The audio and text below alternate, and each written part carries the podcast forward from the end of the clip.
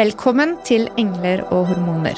Inspirasjon og ny kunnskap om helse, selvutvikling og livsstil.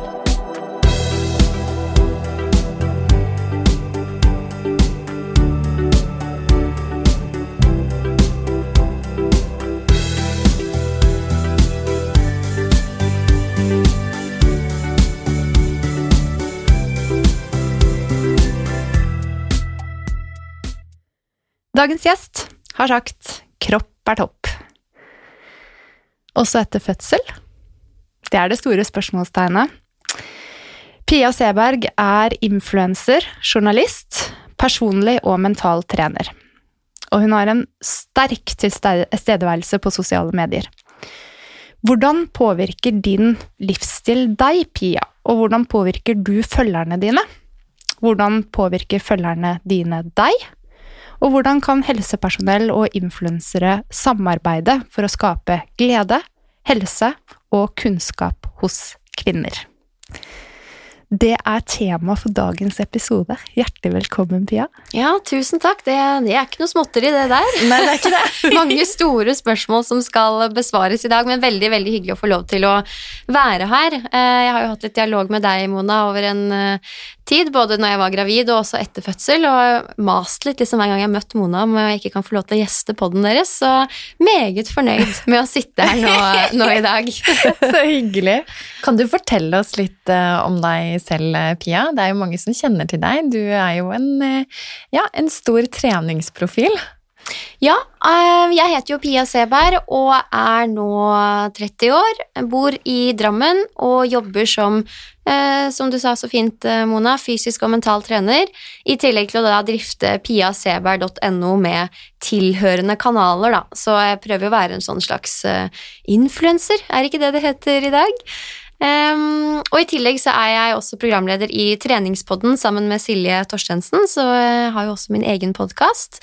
Uh, ja, så jeg gjør veldig mye forskjellig. Jeg har også en del treningsreiser, jeg er gruppeinstruktør, gjør en del treningseventer.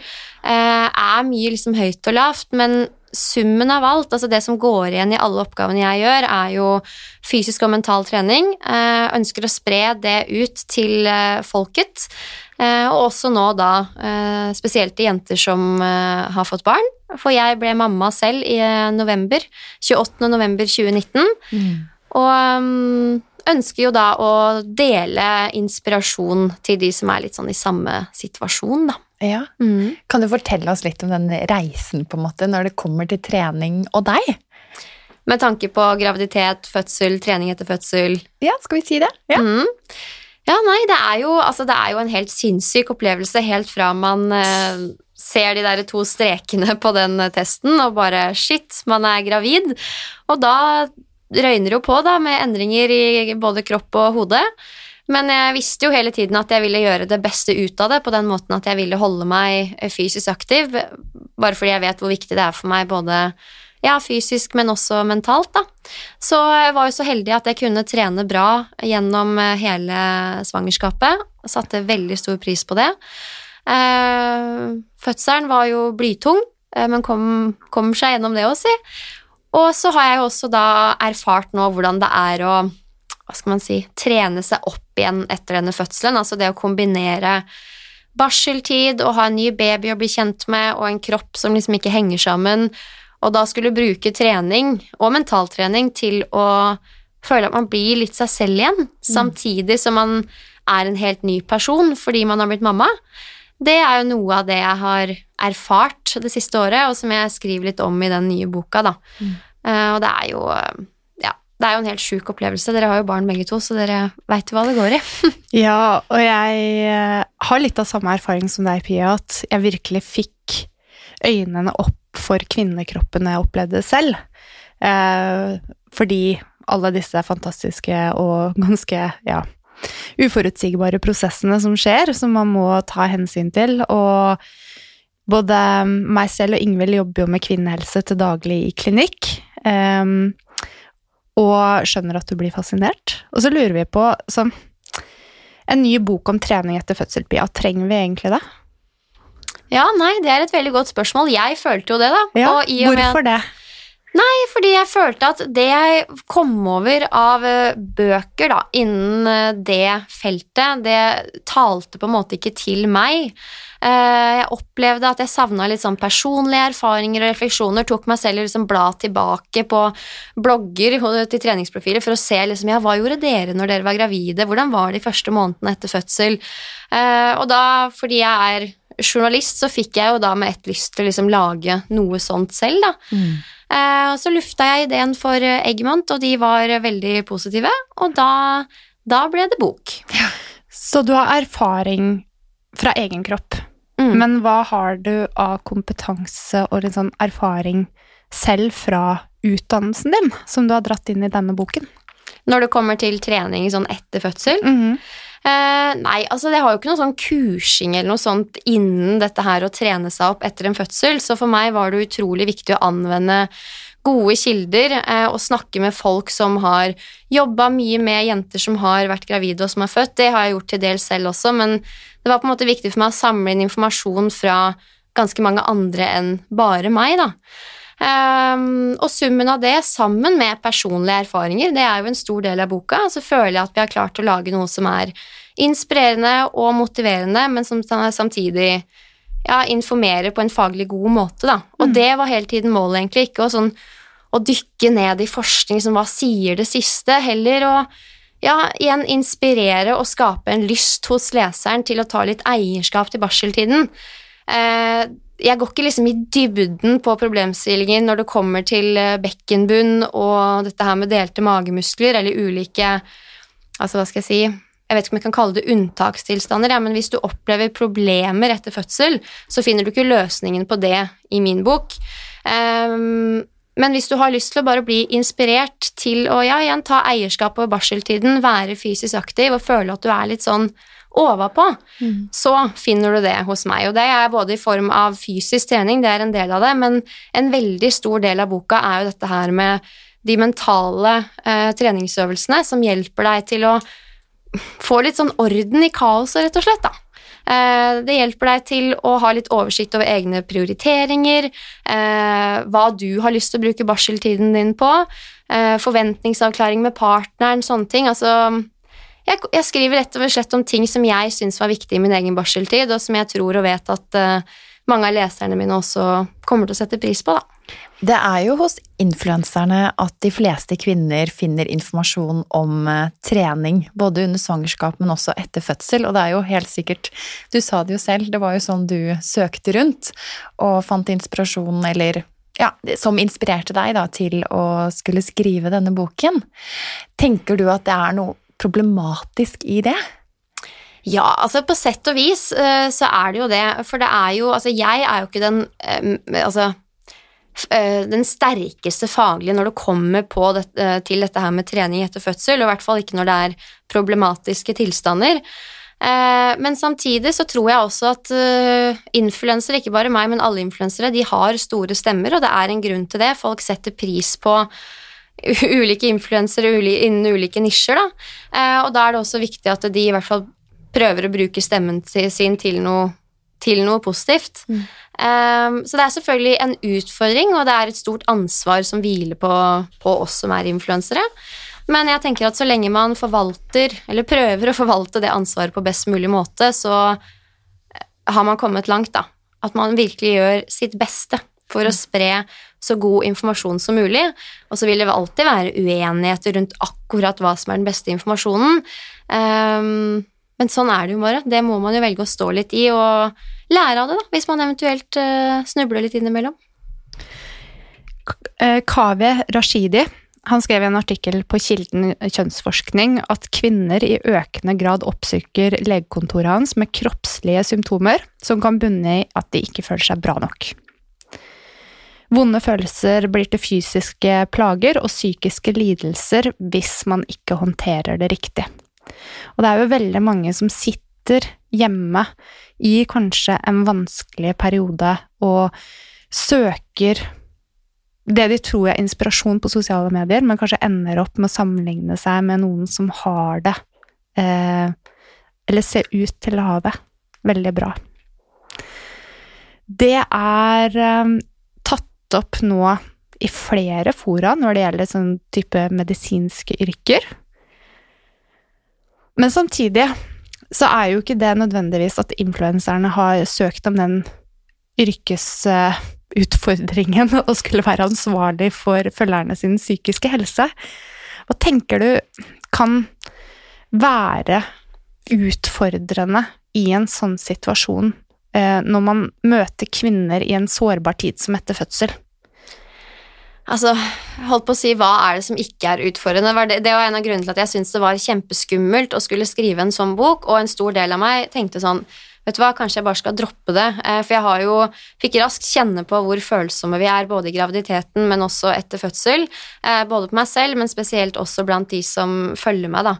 Eh, så det er et stort ansvar, og utfordringen er jo nettopp det at man snakker man står og skriker ut til en folkemengde, eh, og hvert enkelt individ i den folkemengden tolker jo budskapet eh, ettersom hvordan de er skrudd sammen. Eh, men så kommer det til et punkt hvor man igjen man må gjøre sitt beste, men samtidig vite at hvert enkelt individ de må ta litt ansvar for hvordan de tar imot den informasjonen også. Men samtidig, altså vi skal alle ta ansvar for at vi liksom kommuniserer på best mulig måte og prøver å ta vare på alle. Altså, man skal jo kjenne sine lesere og vite at man har et ansvar, men jeg er jo også veldig for at man må få lov til å ha en personlig og subjektiv eh, stemme ut ifra egne erfaringer, uh, uten at det nødvendigvis skal være gærent hele tiden.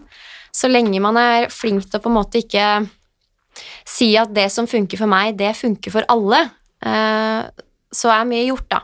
Men det er klart det er kjempevanskelig, og hadde jeg hatt fasitsvaret, så ja, det hadde vært veldig ålreit. Det er vel ingen som lever med fasiten? Nei. Nei. Noen tror at de gjør det, men eh, det er, er nok ingen som gjør det. Nei. Men kan du komme med noen praktiske, eller noen eksempler på hvordan du har merket dette med hvor følelsesmessig det har vært i denne perioden? Ja, altså jeg har uh, veldig ålreite, uh, fine, oppegående følgere, så jeg er ikke noe sånn stort offer for mammapoliti. Og hvis jeg har opplevd noen kritikk, så er det første de sier 'unnskyld, det er ikke meningen å være mammapoliti', men altså, de nærmer seg på en kjempeålreit måte. Um, et eksempel er jo rett etter fødsel så prøvde jeg å dele, dele litt inspirerende innhold samtidig som jeg var nybakt mamma selv. Eh, og da husker jeg at jeg la ut noen treningsøvelser der jeg annet gjorde en øvelse som visst var uheldig for magemusklene, da. Jeg opplevde jo ikke det selv, men eh, da ble jeg kontakta av en eh, kjempedyktig fagperson som tok kontakt eh, eh via innboksen på Instagram og sa fra at eh, så bra at du deler og inspirerer til fysisk aktivitet etter fødsel, men akkurat denne øvelsen lurer jeg på om det er litt uheldig at du legger ut. Eh, og da Jeg satte så sinnssykt stor pris på at hun nærma seg meg på den måten og sa fra om det, eh, men merka også at jeg ble veldig sånn eh, iakttatt da, med tanke på hva jeg delte etter fødsel. Og gjorde, jeg ble jo helt sånn aspeløv, for man blir jo så redd for å gjøre og si noe gærent eh, til den følsomme gruppa, da. Eh, så eh, satte veldig pris på at jeg fikk litt hjelp på den fronten da, på den måten. Men så merka jeg også at jeg var såpass følsom etter fødsel at det ble vanskelig for meg å stå i noe, da. Altså, mm. og jeg, jeg valgte ganske kjapt å velge å ikke legge ut noe før jeg hadde blitt litt mer kjent med mammarollen. Eh, så jeg har ikke gitt så veldig mye konkrete råd eller treningstips i mine kanaler de første månedene etter fødsel, nettopp fordi jeg ville stå litt tryggere, ville ha vært igjennom det selv og vite litt mer om hva det handler om. Mm. Eh, så det har jeg heller prøvd å spare til boka, da. Kjempefint at du deler det, for det, jeg tenker det kan jo ikke være lett å være influenser og stikke hodet ut der med Ja, i det som du sier selv er en ganske sånn hudløs og sårbar situasjon. Nei, absolutt ikke. Og selv da, når jeg ble eh, liksom tilnærma på en så ålreit måte, så fikk jeg helt sånn skjelven, og da skjønte jeg at ok, nå må du ta fem skritt tilbake igjen. Nå skal du ikke drive og dele masse i sosiale medier, fordi jeg, jeg hadde jo nesten akkurat født selv, og da er det noen hormoner og noe greier, da.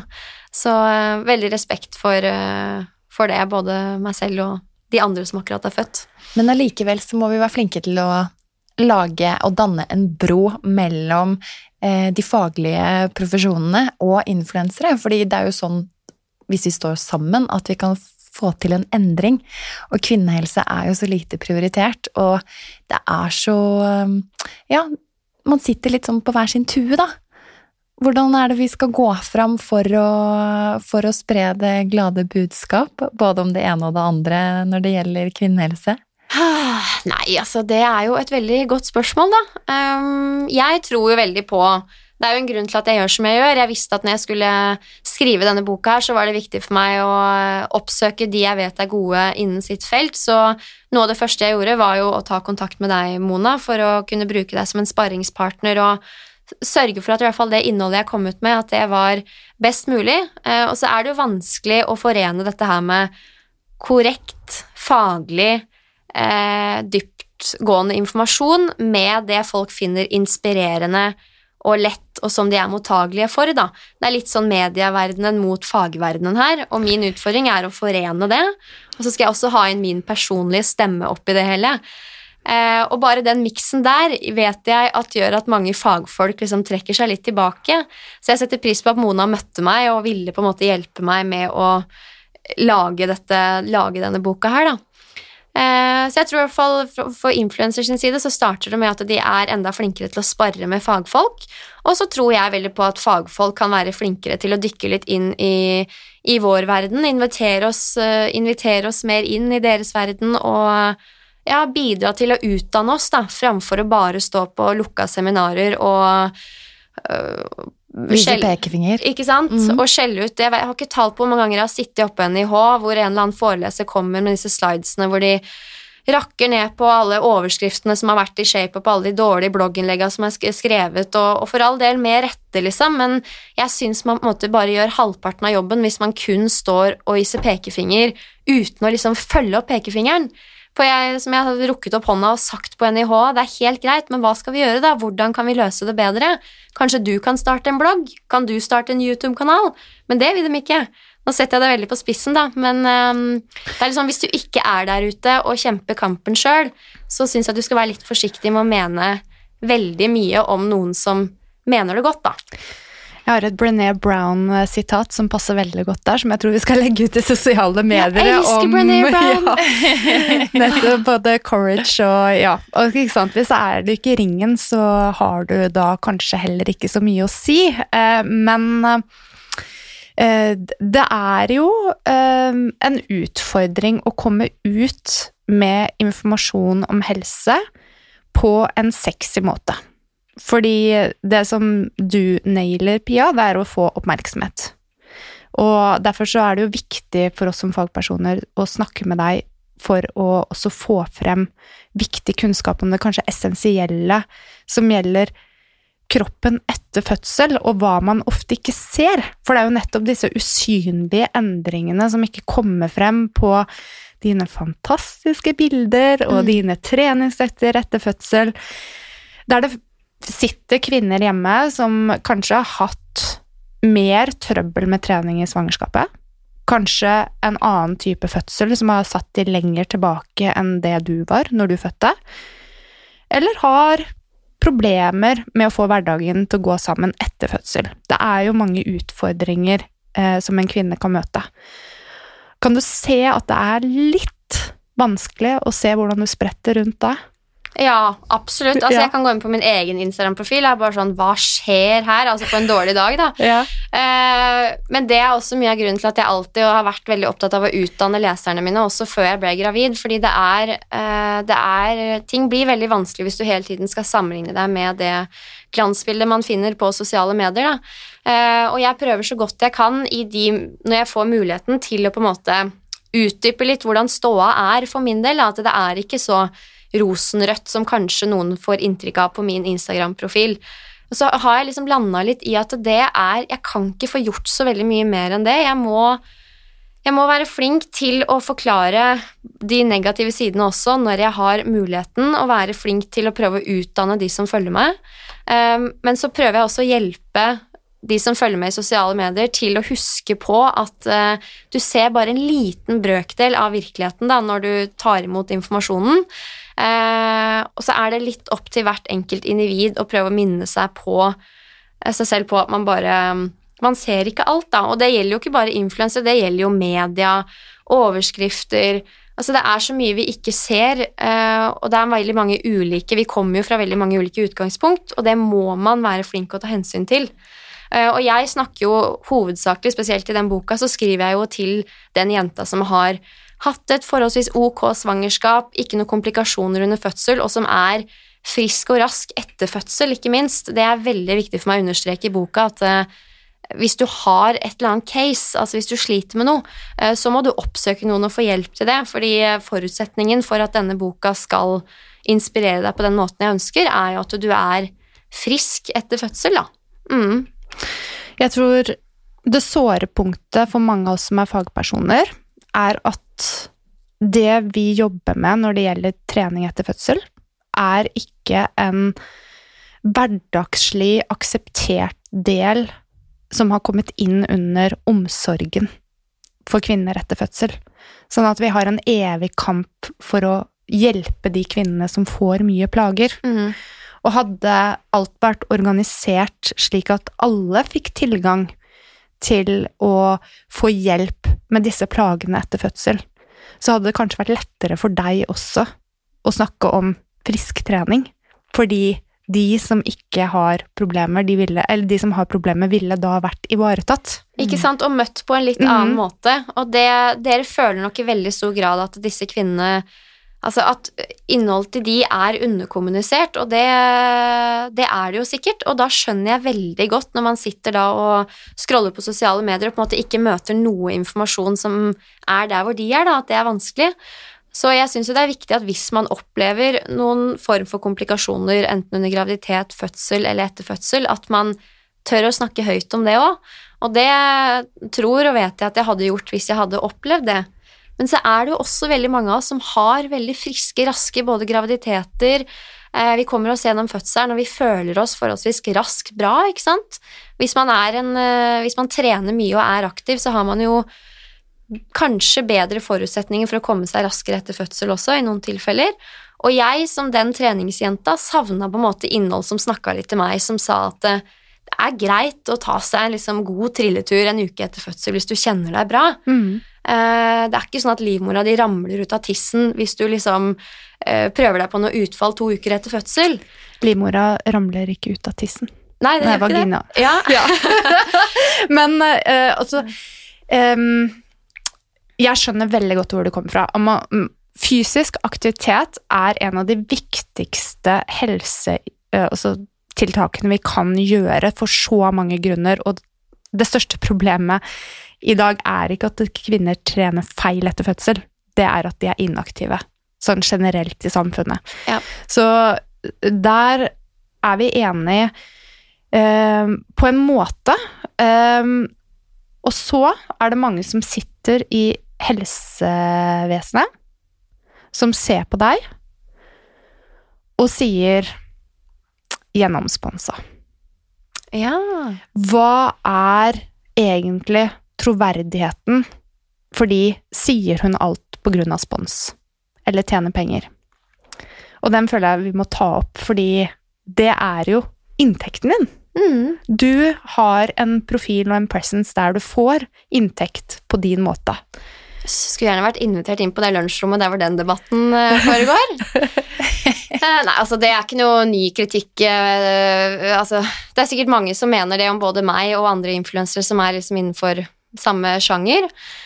Eh, det eneste rette man kan gjøre Jeg har jo et sett med verdier og en måte jeg opererer på som er riktig og viktig for meg, og føler jo at jeg klarer å balansere dette her med å ha kommersielle samarbeid og samtidig ivareta den utrolige viktige troverdigheten og tilliten til følgerne mine. Eh, For hvis jeg ikke har den, så har jeg ingenting. Men samtidig så hadde jeg aldri kunnet med, drive med det jeg gjør, og gjøre så mye positivt for mange, mener jeg, da, hvis jeg ikke hadde hatt de samarbeidene. For det er de som gir oss influensere smør på brødskiva. Eh, og så er det opp til hver enkelt influenser å forvalte det ansvaret på den måten man selv syns er best, da. Og så vil alltid noen mene å kritisere det, og sikkert sette da spørsmålstegn ved min troverdighet når man snakker om fag, annet eh, når det kommer til eh, trening etter fødsel. Um, og det må de på en måte få lov til å gjøre. Jeg får ikke eh, gjort så mye annet enn at uh, hvis de føler at det er et stort problem, så så får det bare være. Jeg tror fortsatt, helt uavhengig av hva de mener, at denne boka her, bloggen min, Instagrammen, inspirerer eh, veldig, veldig mange og gjør en viktig jobb for mange, da. Og at de to, eh, det redaksjonelle og det kommersielle, kan leve ved siden av hverandre helt fint. Alle tjener jo penger på det de gjør. Mm. Så det er jo et spørsmål om hvor det kommer fra. Og du er jo en del av en ny generasjon. En, et nytt yrke som veldig mange ikke har vent seg til ennå. Så spørsmålet er også er de pengene som kommer fra forskningsstipender eller fra faste jobber på sykehuset, renere enn de pengene du får inn, og gjør det at du har mindre eh, troverdighet i å uttale deg? Mm. Eh, det er jo det store spørsmålet, og da tenker jeg sånn Har du vært i en situasjon der du har lagt, latt være å legge ut noe fordi du tror at det kan skade annonsesamarbeidene dine, eksempel? Jeg tror jo at jeg lyver hvis jeg sier nei, men jeg Mhm. kommer ikke på et konkret tilfelle der det har skjedd.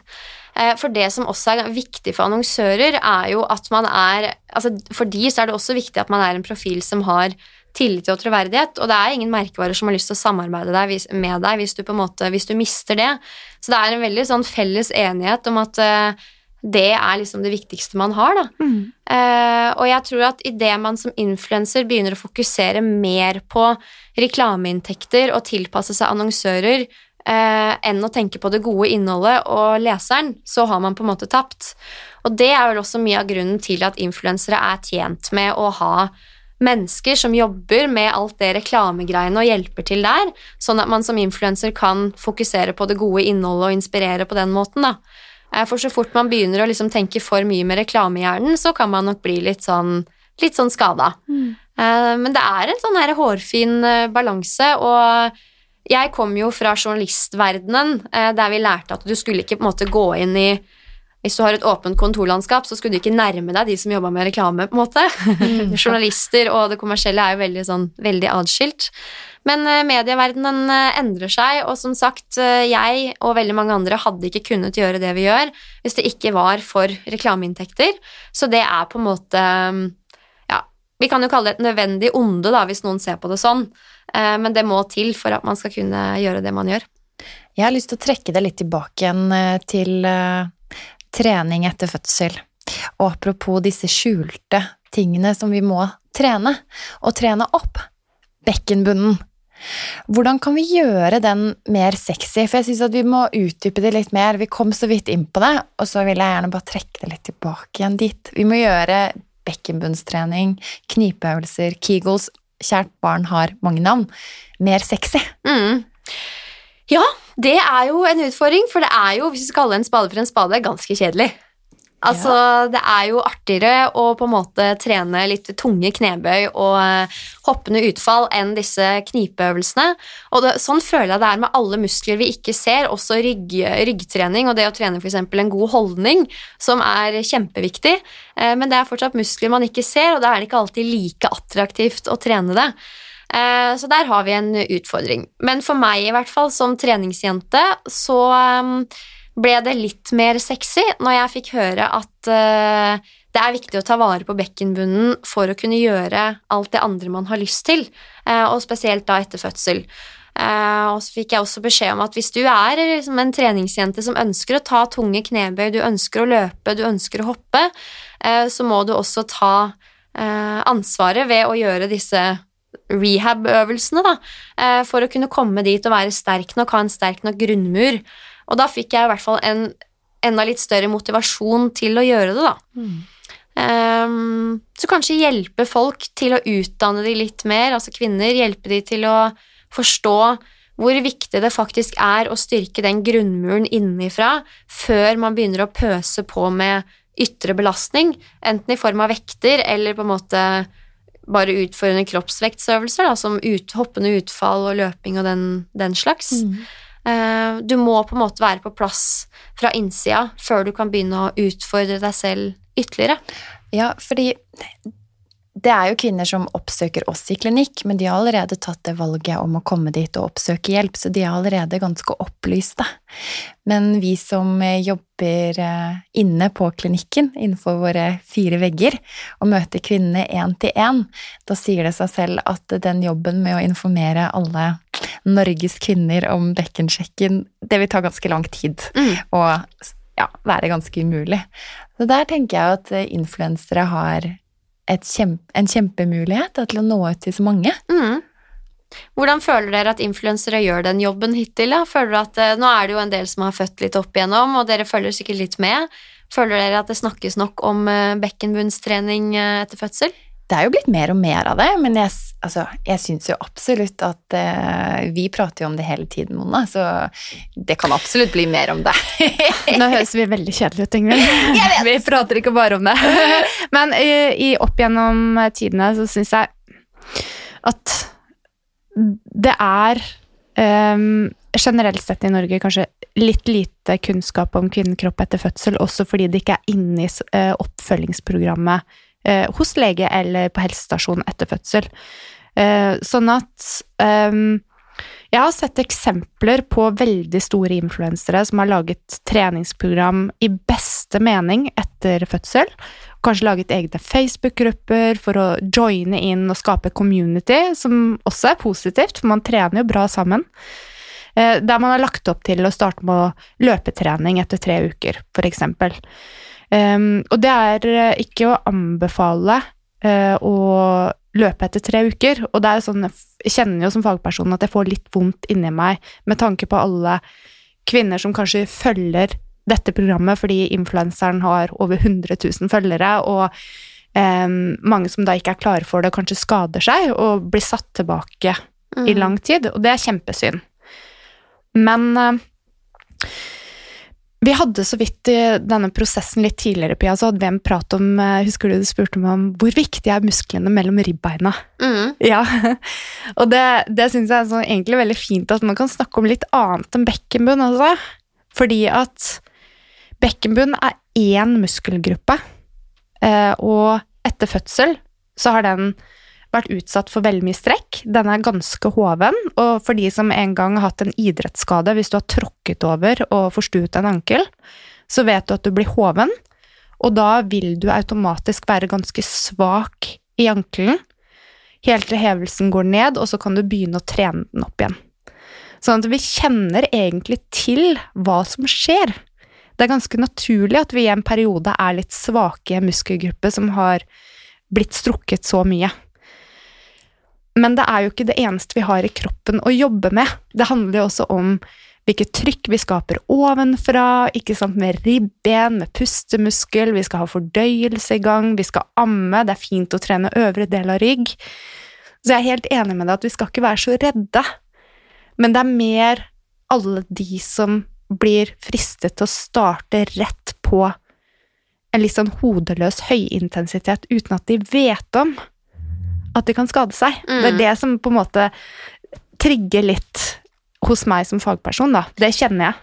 Det er jeg så enig i, og jeg føler jo virkelig at jeg har lært viktigheten av å kommunisere det du sier, gjennom å skrive denne boka her. Jeg har, jeg har jo lært enormt mye av å skrive boka, og gikk jo inn i det med en liten sånn litt som en sånn noldus, og det var jo tanken òg, fordi jeg skulle skrive for oss som hadde født for første gang. Eh, så det å, at man skal ha respekt for kroppen etter fødsel, det er så viktig. Og så er det jo veldig trist å høre om disse altså, som drar i gang treningsgrupper der hvor eh, hva skal jeg si, treninga ikke er gjennomtenkt.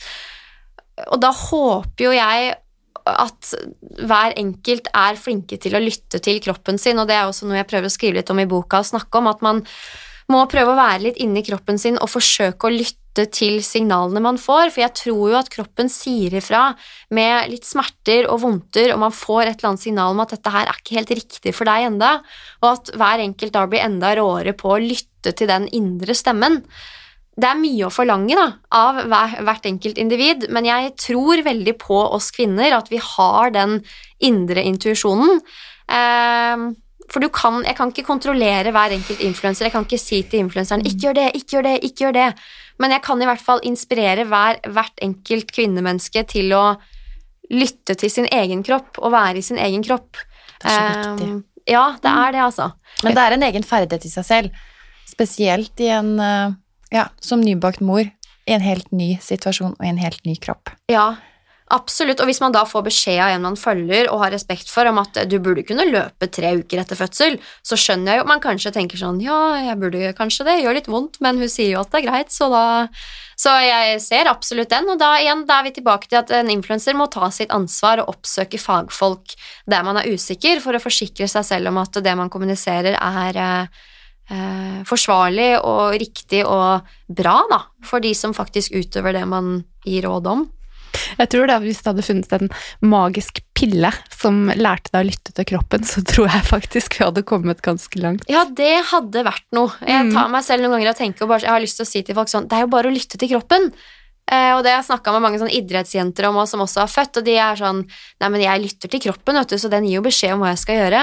Det er nok ganske lett da, for oss som er drevne på dette her og har trent mye, og, og høre på hva kroppen sier, men det er jo ikke så lett for eh, Kari Nordmann, kanskje. Mm. Eller er det at vi ikke er alltid gode nok til å lytte etter, kanskje. Jeg vet ikke. Kloke ord. Litt etter. Ja. I hvert fall så eh, kommer den boken opp, Pia, og en av de tingene som jeg syns er fint å sette fokus på, det er mental trening etter fødsel. Fordi eh, det handler jo også litt om å lytte til kroppen. Så eh, for din del kan jeg spørre deg, blir kanskje litt personlig, men syns du at det var en utfordring å eh, finne nye rutiner og altså i det hele tatt få hverdagen til å falle på plass etter du fikk et barn? Ja, jeg syns det fortsatt. Ja. altså, det er jo et såre kaos på den måten at alt blir eh, Altså, det er en helt ny hverdag.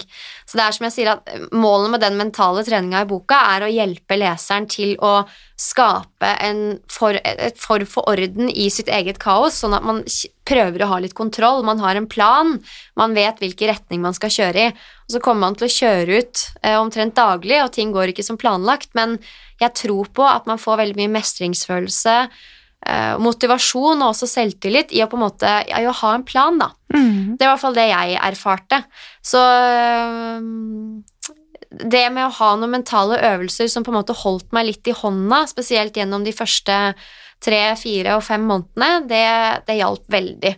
Og den mentale treninga i boka er jo et sammensurium av det faglige, som jeg har lært øhm, hos Raw trening og jobba mye med Cecilie Ystenes, men også mye personlig.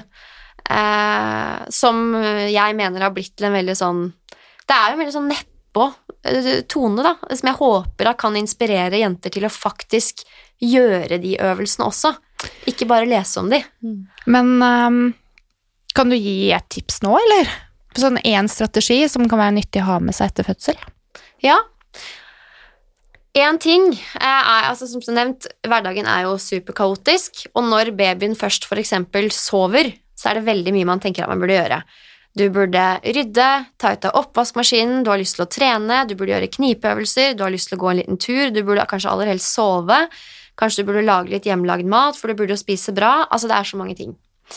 Eh, Så noe av det jeg råder oss til i boka, er å på en måte skrive en slags form for sånn prioriteringsliste.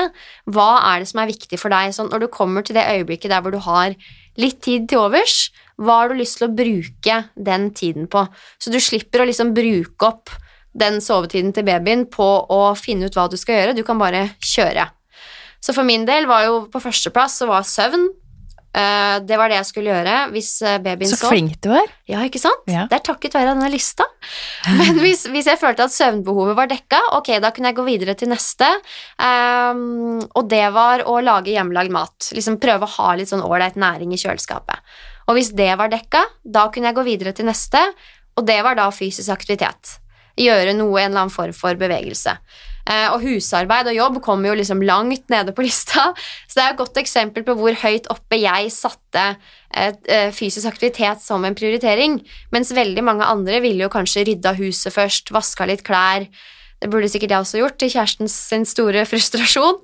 Men altså, det var noe som var viktig for meg å prioritere, da. Eh, og det er jo veldig mange som snakker til meg i etterkant nå sånn Og du var så flink i barseltiden din til å få til å trene. Eh, og så er jeg sånn Ja, men du er kjempeflink som har tid til å møte masse venner, ha et ryddig hus, ha noe å servere når gjester kommer på besøk.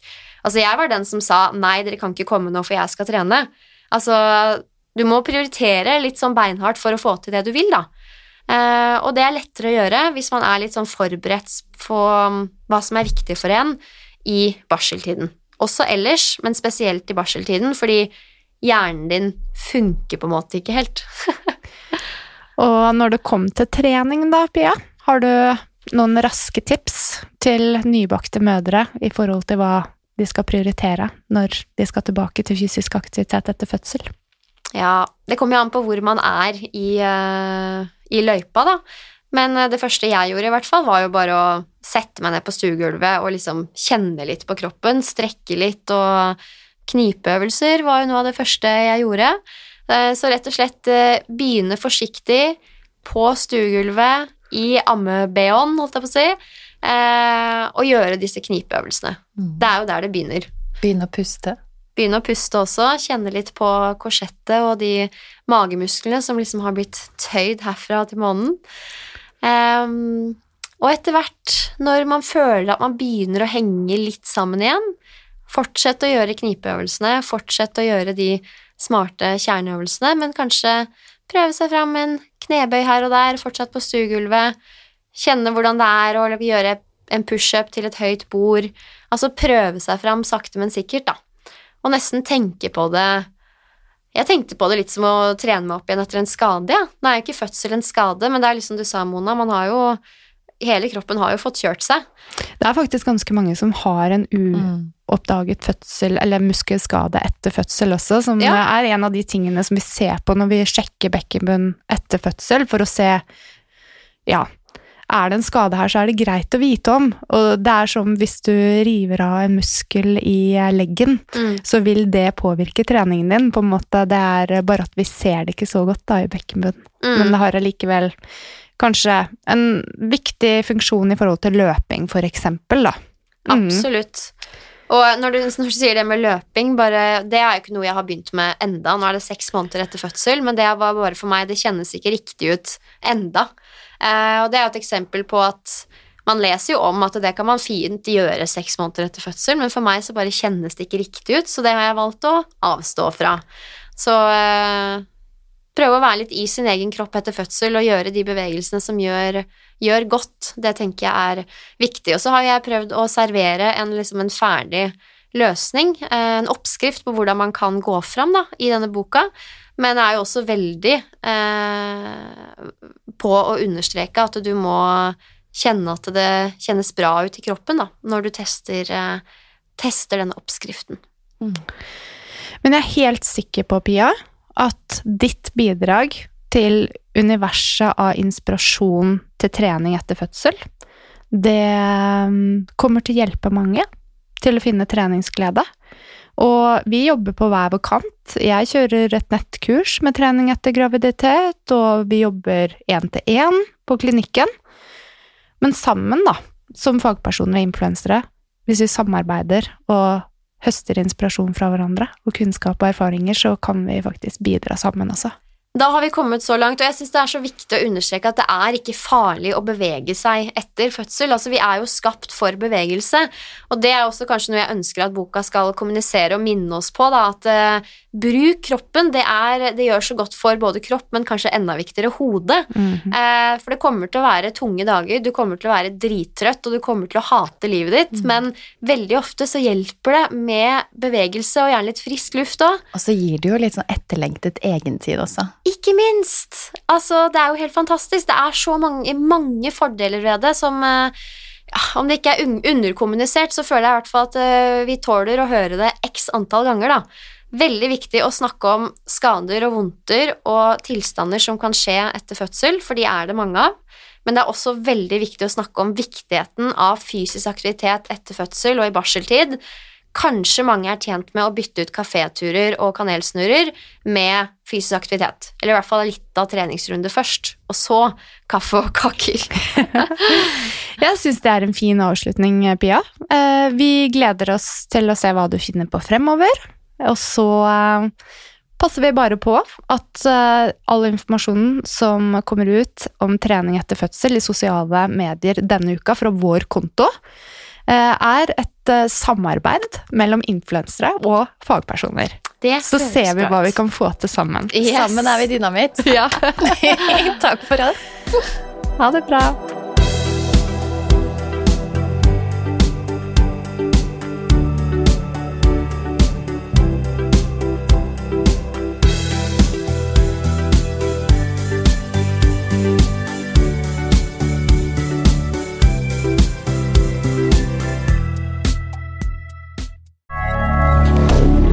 Moderne media.